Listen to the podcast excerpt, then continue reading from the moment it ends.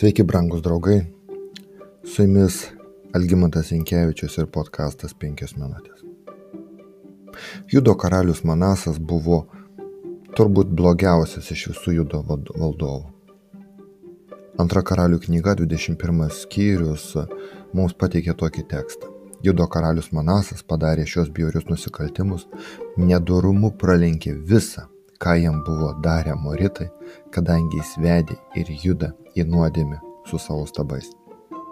Jis atmetė viešpatį, jeigu mes toliau skaitytume ir rastume, ir garbino dang, vis, visus dangaus kūnus, aukojo savo vaikus malochui, būrė, kerėjo, kvietė mirusiosius, galų gale padėjo startę stabą viešpatė šventykloje ir pralijo daug nekalto kraujo. Pats Manaso atsiradimas judo sostė, kad ir kei, kaip keistai skambėtų, buvo Ezekijo maldos rezultatas, kada jis buvo mirtinoje lygoje. Antra karalių 20 skyrius. Dievas nutatė Ezekijo mirties laiką, tačiau karalius negalėjo pasakyti, te būna tavo valia, tegul būna jinai įvykdyta. Užuot sutvarkęs reikalus ir paskyręs įpėdinį, kuris galėtų būti vienas iš Ezekijo brolių ar sunienų, giminaičių, Jis maldauja viešpatės pratesti savo gyvenimą. Geras atrodo dalykas. Mes visi, kada sergame, prašome. Ir tai yra normalu. Kai viešpas pratėsi Zekijo gyvenimą 15 metų, po trijų metų nuo jo pasveikimo gimė jam sunus Manasas. Pats pavadinimas Manasas reiškia priverstas pamiršti arba užmiršti, kuris matyt reiškia lygą ir liūdėsi dėl Asirijos įsiveržimo. Tame kontekste prisiminkime, kaip ir Ezekijas meldėsi. Ir tai užrašyta Izaijo 38 skyriuje. Eisiu pirmin žingsniukais per visas savo metus. Nors mano siela ir pilna kartelio, kurios viešpas globoja, tie gyvuoja. Tau priklauso mano gyvenimo dvasia. Tu man davėjai sveikatą ir gyvybę. Todėl mano kartelis pavirto ramybė. Tu apsaugai mane nuo mirties bedugnės ir visas mano nuodėmės nusvedė savo už nugaros. Gyvasis, tikrai gyvasis tau dėkoja, kaip šiandien darau aš.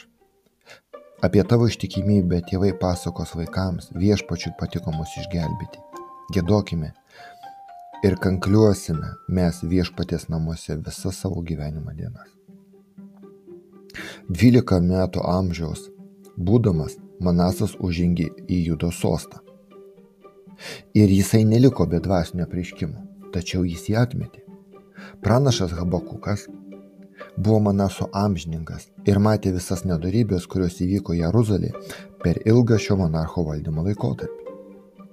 Per savo tarnus pranašas, pranašus viešpats kalbėjo, kadangi judo karalius Manasas padarė šias, šios bjaurus nusikaltimus, nedurumu pralenkė visą, ką jam buvo darę Moritai, kadangi jis veidė judą į nuodėmę su savo stabais ir tikrai taip kalbėjo, Viešpats Izraelio Dievas, štai atvedu Jeruzalę ir judui tokią nelaimę, kad net ausise spengs kiekvienam, kuris tik apie ją išgirs.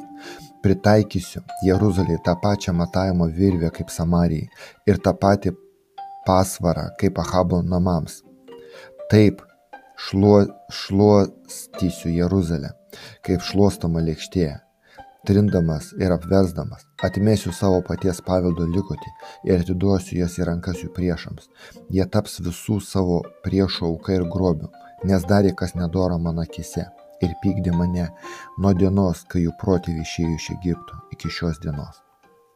Šį tekstą mes randame antroje, antrojo karalių knygoje 21 skyriuje nuo 10 eilutės. Grėsmingi žodžiai.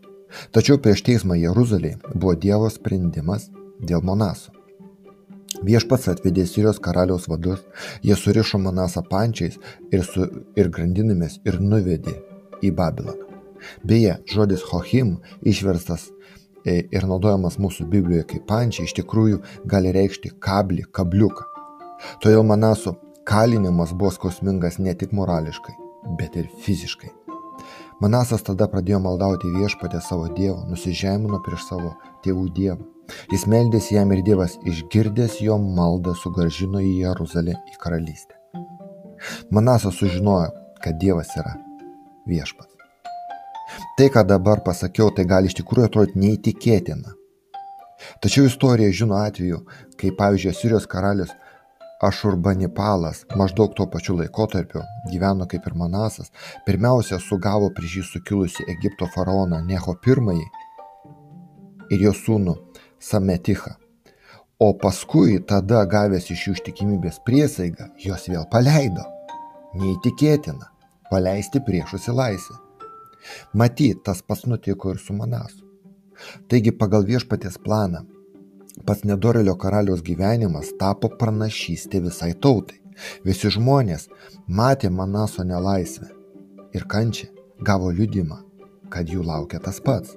Ir jie turi išmokti tą pačią pamoką kaip ir Manasas. Labai artimai pajusti savo kailiu, kaip sakoma, jog Dievas yra viso viešpats. Manaso gyvenimas taip pat liudyja ir mums, brangus draugai. Tai liudimas, kad kartais Dievas norėdamas mus ištaisyti ir išgelbėti, mūsų viešpas turi imtis ypatingų priemonių, nes tik per savo skausmą ir kančią mes kažkas tai išmokstame. Tačiau jis tai daro tik tada, kai mes nenorime jo girdėti jokių kitokių būdų. Su jumis buvo penkios minutės ir Algymantas Jankievičius.